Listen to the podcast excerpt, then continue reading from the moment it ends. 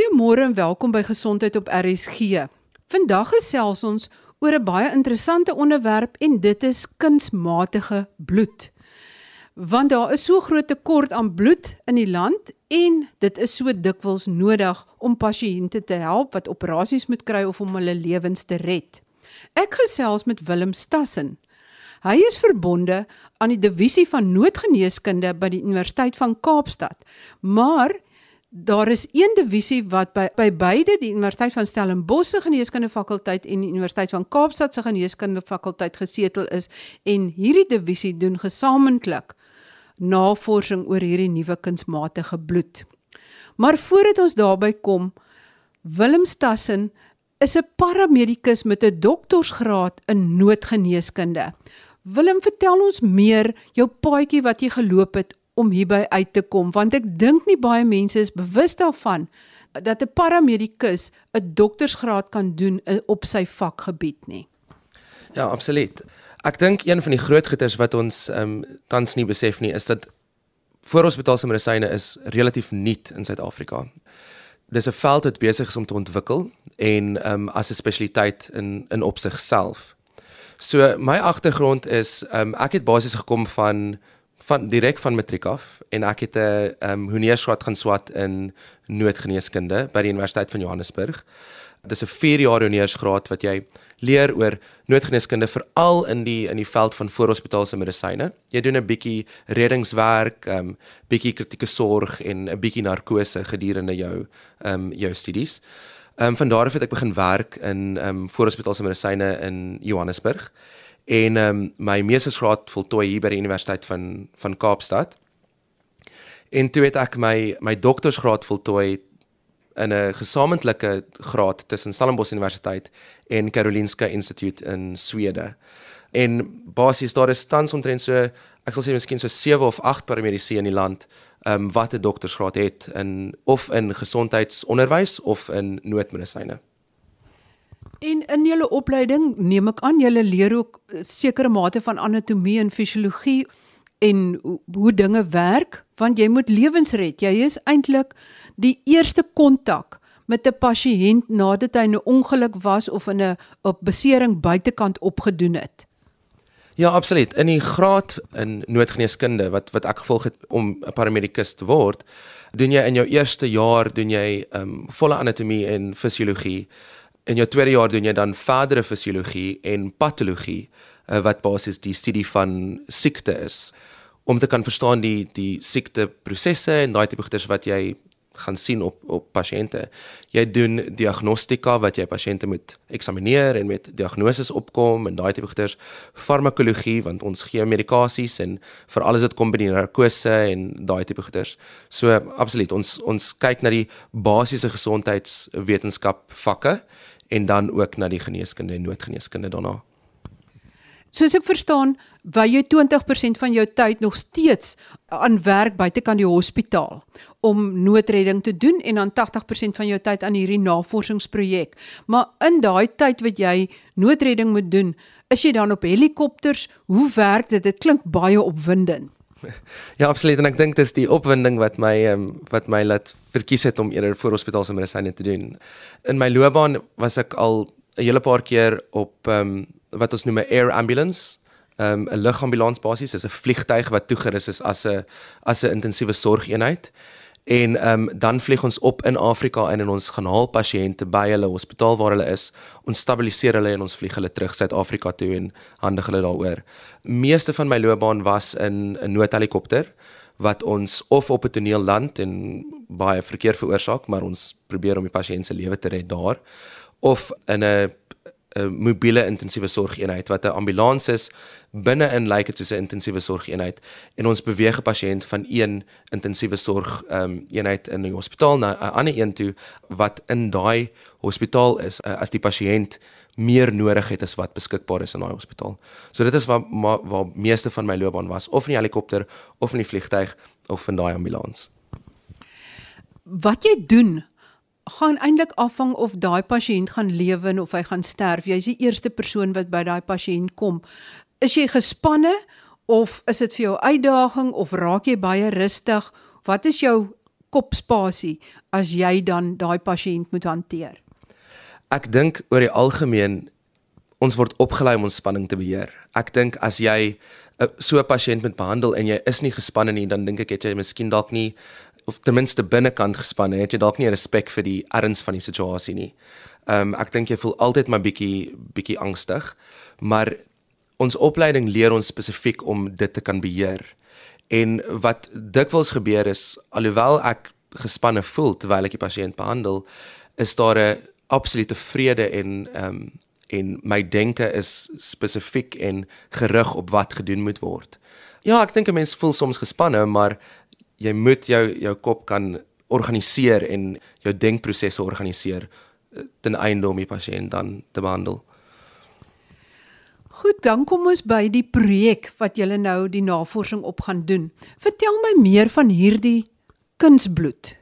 Is dit vervaardig in 'n laboratorium of kom dit van een of ander dier af? Hoe werk dit? So wat basies gebeur is daar's 'n ekstrak van ehm um, beeshemoglobien. Hemoglobien is die element in die bloed wat dan suurstof transporteer sodat jy die suurstof kan kry by jou weefsels wat dit nodig het, jou hart, jou brein, jou longe en jou jou lewer ensovoorts ensovoorts. So wat hierdie hemoglobien doen is dit word ekstrakteer van die van die beesbloed en dan word dit gesteriliseer, ehm um, gekonsentreer en dit word dan in 'n vloeistofmate geplaas. Daai vloeistofmate is dan wat aan die pasiënt ehm um, gegee word sodat jy daai hemoglobien kan gebruik om die pasiënt se suurstof dan te kan transporteer binne in die bloed. Maar 'n mens kan mos nie 'n ander dier se bloed kry nie. Wat dan van allerlei onverenigbaarheid en reaksies wat die bloed kan toon. Ek bedoel een mens kan dan nie eens van alle mense af bloed kry nie, dan vind daar sekere reaksies plaas wat eintlik die vreemde bloed verwerp. Hoe oorkom julle dit? So omdat die die dit 'n gekonsentreerde ekstrak is van die hemoglobien, is al daai antigene is dan verwyder van op die bloed en dit is vir daai rede dat dit vir enige pasiënt gegee kan word. Dit is gedurende daai ekstraksieproses wat slegs die die bare element van die hemoglobien wat benodig is om die die suurstof te transporteer, is dan al wat oorbly. En die vloeistof waarin daai ekstrak dan opgelos word, is dit heeltemal neutraal. Ja, dis baie soos 'n gewone druppelwater. En hoe gaan julle dit toedien? Wat hoe gaan julle studie lyk? Gaan julle dit vir pasiënte gee wat inkom wat bloed nodig het? Hoe selekteer julle die pasiënte vir hierdie studie? Ehm um, die eerste ding wat ek net wil noem is dat hierdie produk is nie 'n eksperimentele produk nie. Die produk is al gebruik in die inhospitaalse omgewing van die vroeë 2000s af. So ons gebruik al hierdie produk gedurende chirurgie ensovoorts vir 'n uh, meer as 'n dekade. So dis glad nie 'n eksperimentele produk nie. Die studie kyk dan na om hierdie produk vroeër eerder as later vir pasiënte te gee binne die voorhospitaalse fase van hulle sorg. So op die punt waar die ambulans die pasiënt kry op die eerste opslag is waar die pasiënt dan hierdie produk sal kry. So wat ons doen is pasiënte met hemorragiese skok, so hulle baie gebloei tot op die punt wat hulle nou in 'n noodgeval is met 'n lae bloeddruk, daai pasiënte word dan in 4 fases geplaas. Of die pasiënt gaan kry standaard ehm um, sorg wat ons die pasiënt sal net druppelwater gee. Die ander pasiënt kry 'n produk wat mens noem bioplasma. En bioplasma is ehm um, amper soos menslike plasma wat amper dieselfde proses deurgemaak het as hierdie ehm um, hierdie Hemopure wat die kunsmatige hemoglobien basis is en die bioplasma het dan die spesifieke faktore in wat nodig is vir jou bloed om te klot. Nou wanneer jy uitbloei, verloor jy nie net hemoglobien nie, jy verloor ook daai stollingsfaktore wat nodig is om 'n bloedklont te maak om jou te laat stop bloei. So deur dit ook toe te dien, kan ons dan die pasiënt se stollingskapasiteit herwin en dan gaan die pasiënt dalk nie so baie bloed verloor nie. So dit is een van die arms is dan om die bioplasma te gee. Dan is daar 'n 'n arm wat ons net kyk na die hemopure, net die hemoglobien en dan die vierde arm en dit is waar ons eintlik wil kyk wat die grootste verskil maak is vir om, vir die pasiënt beide die Hemopure NEBU plasma te gee sodat ons die suurstoftransportasiekapasiteit van die pasiënt kan herwin as ook die stollingskapasiteit van die pasiënt kan herwin. So die bioplasma is eintlik amper soos gewone bloed maar sonder die hemoglobien. Is dit korrek? Ja, so wat hulle doen, jy kry plasma wat mens gewoonlik uh, vries. En dit is menslike plasma wat hulle aftap van die bloed af sonder die rooi bloedselle en dit word gevries en dan geberg. Die probleem is jy moet dit gevries hou wat jy nie altyd kan doen in 'n in 'n ambulans nie. En ehm um, jy moet dit dan weer ehm um, ontdooi basies voordat jy dit vir die pasiënt kan gee en dan verhit sodat jy nie vir die pasiënt yskoue plasma gee nie. So in hierdie geval wat hulle doen is hulle ekstrakteer die ehm um, daai plasma en hulle verdroog dit in 'n poeiervorm. En dan wanneer jy dit as jy aan die pasiënt toedien, dan berg jy dit as die poeiervorm en jy kan dit berg vir vir 'n relatiewe lang ruk en jy hoef dit nie koud te hou nie. Dan vat jy dit en jy ehm um, los weer daai daai poeier op en jy gee dit dan aan die pasiënt as 'n vog. So al hierdie maniere word uitgedink omdat daar 'n tekort is aan menslike bloed. Is dit die rede hoekom mense nou al hierdie ander produkte probeer kyk om 'n oplossing te vind vir die voortdurende tekort aan gewone menslike bloed? Ek dink dit is seker die hoofrede, is die tekort aan bloed wat wat ons tans het. Maar ook die komplikasies om bloed te stoor en te transporteer en daai tipe goeders is ook iets wat ons oorweeg in die opstel van hierdie tipe studies is dat ja daar is 'n tekort aan bloed en dit is 'n groot probleem en ek dink nie iets sal ooit bloed vervang nie want bloed is wat baie pasiënte dikwels nodig het. Maar omtrent halfte van ons pasiënte wat doodgaan aan trauma en hemorragiese skok, gaan dood in die voorhospitaalse fase net na hulle besering. En dit is dan die die tydperk wat ons die pasiënt moet probeer aan die lewe hou en suurstof by hulle weefsel kry ensovoorts ensovoorts. En dit is die rede hoekom ons dan hierdie in die voorhospitaalse omgewing wil begin en daar is dit dikwels moeilik om bloed te kan kry en om bloed te berg en te stoor. Hoeveel bloed is in 'n mens se liggaam en hoeveel bloed kan mens verloor voordat jy in so skoktoestand ingaan? 'n Mens het omtrent so 70 ml per kilogram bloed in jou liggaam. Dit is altyd moeilik om te sê hoeveel bloed jy kan verloor want dit hang af hoe oud jy is. Ehm um, dit hang af uh wat jou basis hemoglobien vlakke was. So ouer mense kan nie noodwendig so goed reageer op bloedsverlies as jonger mense nie. Hulle hart kan nie so goed pomp nie. Ehm um, daai tipe goeie. So die pasiënte presenteer in ander maniere met hemorragiese skok. Kinders natuurlik verloor baie meer bloed as wat mens dink voordat jy eintlik sien dat hulle bloed verloor het. So Ehm um, dikwels is dit moeilik om te sê hoeveel bloed spesifiek in milliliter jy kan verloor voordat dit 'n probleem raak. Ehm um, ek dink die antwoord is altyd so min as moontlik moet jy verloor eerder as om te gaan vir dis hoeveel jy kan verloor. Die ander ding is natuurlik, dis nie noodwendig dat jy na buitekant toe bloei nie. Jy kan inwendig uitbloei. Weet as 'n groot uh, arterie geskeur is dat dat jy binnekant toe bloei. sien julle dit baie by trauma? Ja, ek dink ehm um, dit is natuurlik die pasiënt wat ons die meeste oor bekommerd is, is die pasiënt wat ehm um, wat bloei en jy kan dit nie sien nie. Jy kan nie die bloed stop nie want daai pasiënt het chirurgie nodig. Ehm um, en dikwels waar hierdie pasiënte ehm um, die ongelukke het is ver weg van fasiliteite af wat die chirurgie kan bied. Ehm um, en in in so 'n uh, omstandigheid is daar miskien 'n uur, 2 ure voordat jy so 'n fasiliteit kan kom en jy kan niks doen om my bloed te stop nie. Ehm um, 'n pasiënt wat wat uitbloei na buite is natuurlik jy kan 'n tourniquet opsit of so tipe iets wat die bloeding kan stop. Maar 'n inwendige bloeding kan jy ongelukkig nie stop tensy jy chirurgie het, het nie. Hoe kom jy agter hy bloei? Sy bloeddruk val ensovoorts. So gee jy dan ook maar iets vir die pasiënt of is daar niks wat jy kan doen nie? So, ehm um, jy kry die vitale tekens sal begin verander. Die eerste ding wat gebeur is die pasiënt ehm um, se hartklop sal opgaan. Mits dit 'n pasiënt is wie se hartklop kan ehm um, kan verander. Soos 'n uh, ouer pasiënt wat op spesifieke bloeddrukke medikasies is, hulle hartklop verander dikwels nie. So dit is een van die eerste goed wat jy na sal kyk. Jy sê die pasiënt kry 'n tachykardie, die hartklop is vinniger.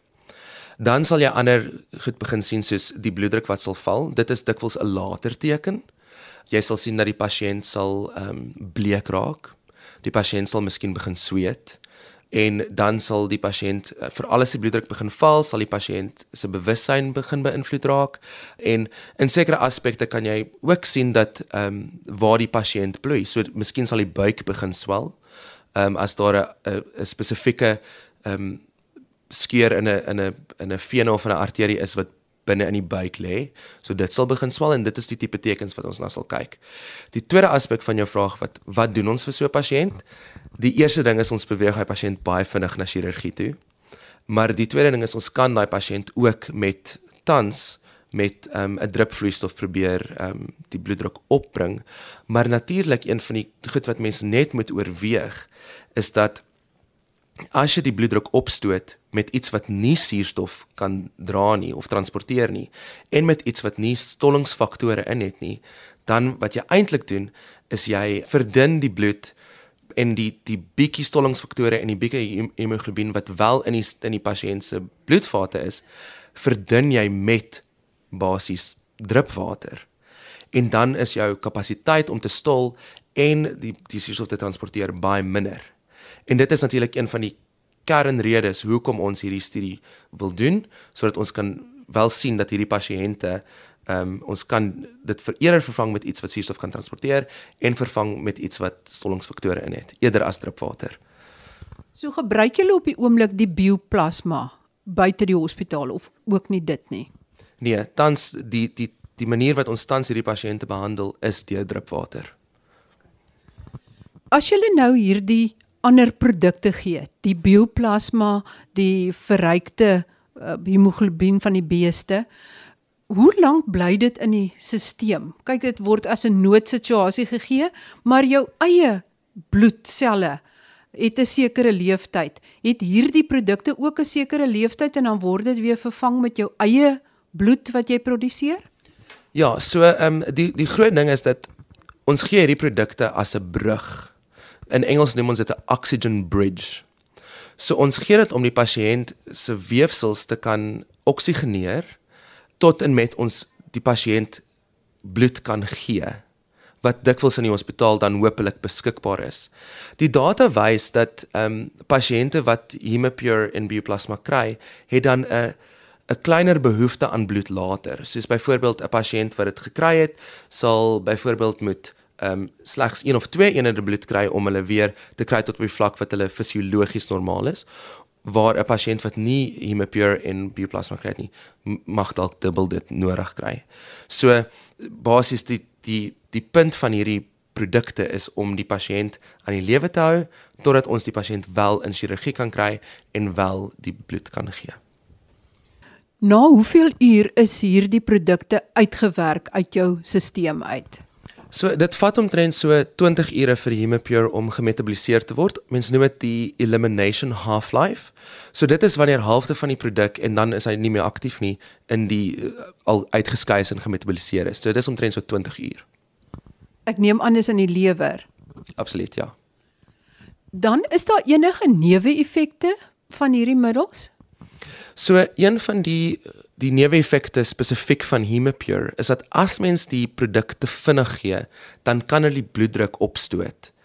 Iets wat mens net moet daarteenoor stel is die tipe pasiënt wat ons na kyk, is 'n pasiënt wat 'n ongelooflike lae bloeddruk het tot op die punt wat dit hulle hulle lewe in gevaar stel.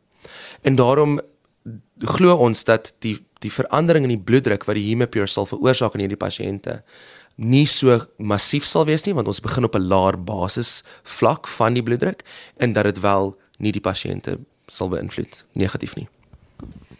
En hoekom as dit nie meer eksperimenteel is nie en mens gebruik al 'n redelike lang tyd die verrykte beeshemoglobien oplossing vir pasiënte in 'n hospitaal. Hoekom gebruik mens dit nie in elk geval in plaas van bloed nie?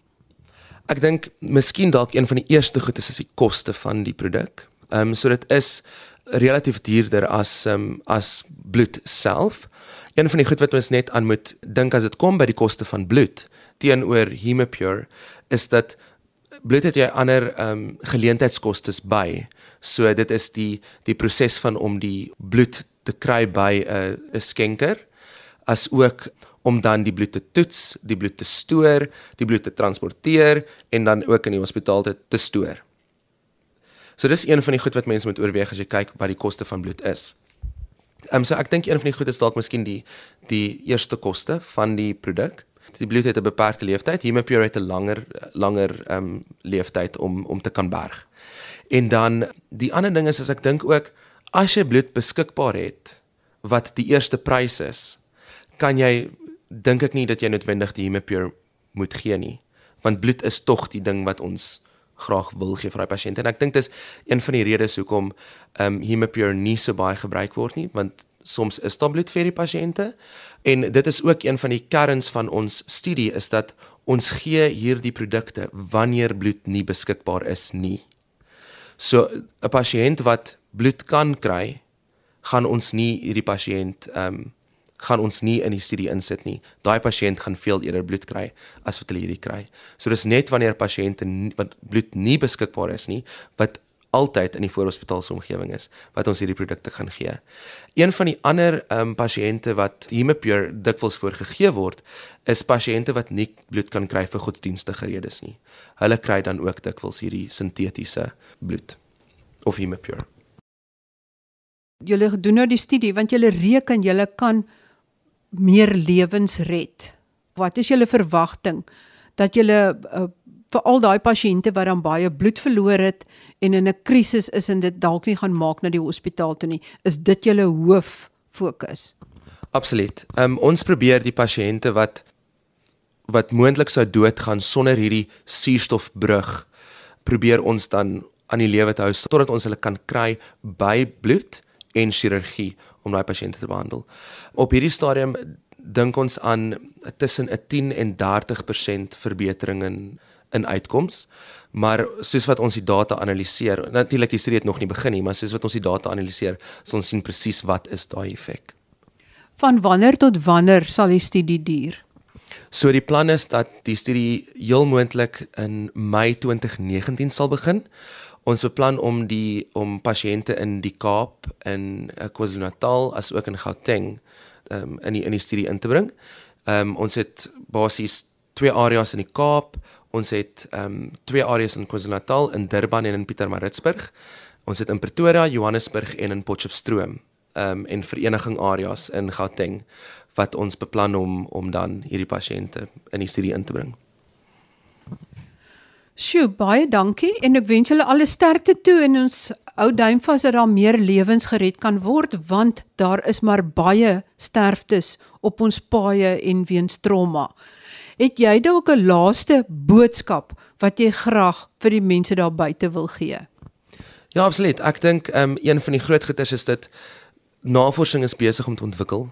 Ehm um, en ons dink elke dag aan nuwe maniere om mense se lewens te red. Maar een van die grootste goed wat 'n mens moet onthou is dis beter om hierdie traumas te voorkom as wat dit is om die pasiënt te behandel as daar 'n noodgeval is. So goeie soos moenie drink en bestuur nie. Dra jou veiligheidsgordel. Dit klink soos iets wat ons hoor van kleins af, maar dit is regtig eintlik wat die lewens red. Maak seker dat jy nie op jou foon is as jy bestuur nie, veral as jy boodskappe stuur en daai tipe goeders. Probeer om dit te verhoed eerder as wat jy op die einde van die dag uh, 'n uh, paramedikus of of iemand in in nood nodig het. Mens mens moet seker deesdae bysit en geen cannabis en bestuur nie. absoluut, absoluut. My gas was Dr Willem Stassen van die divisie noodgeneeskunde by beide die universiteite en die twee akademiese hospitale in Wes-Kaap, Grooteskier en Tygerberg en ons het gesels oor die studie wat binnekort begin waar hulle kunsbloed, dit is B-hemoglobien wat in 'n oplossing gemeng is en wat dan suurstofdraande hemoglobien bevat, as ook plasma wat stollingsfaktore bevat vir pasiënte op ongelukstonele gaan gee om te probeer om soos hy gesê het te kyk of daar nie tot 30% van die lewens gered kan word wat tans verloor word. Moenie vergeet om volgende week weer in te skakel by Gesondheid op RSG nie. Ek gesels dan met 'n ortopeed by die Tygerberg Hospitaal en die Universiteit van Stellenbosch oor hoe hulle nou vir die eerste keer in Afrika en in Suid-Afrika 'n protese aan die geamputeerde been vasgesit het. Letterlik in die skag van die geamputeerde femur het hulle hierdie protese ingeplant en hy vertel meer hoe dit gedoen is. Tot volgende week dan, totsiens.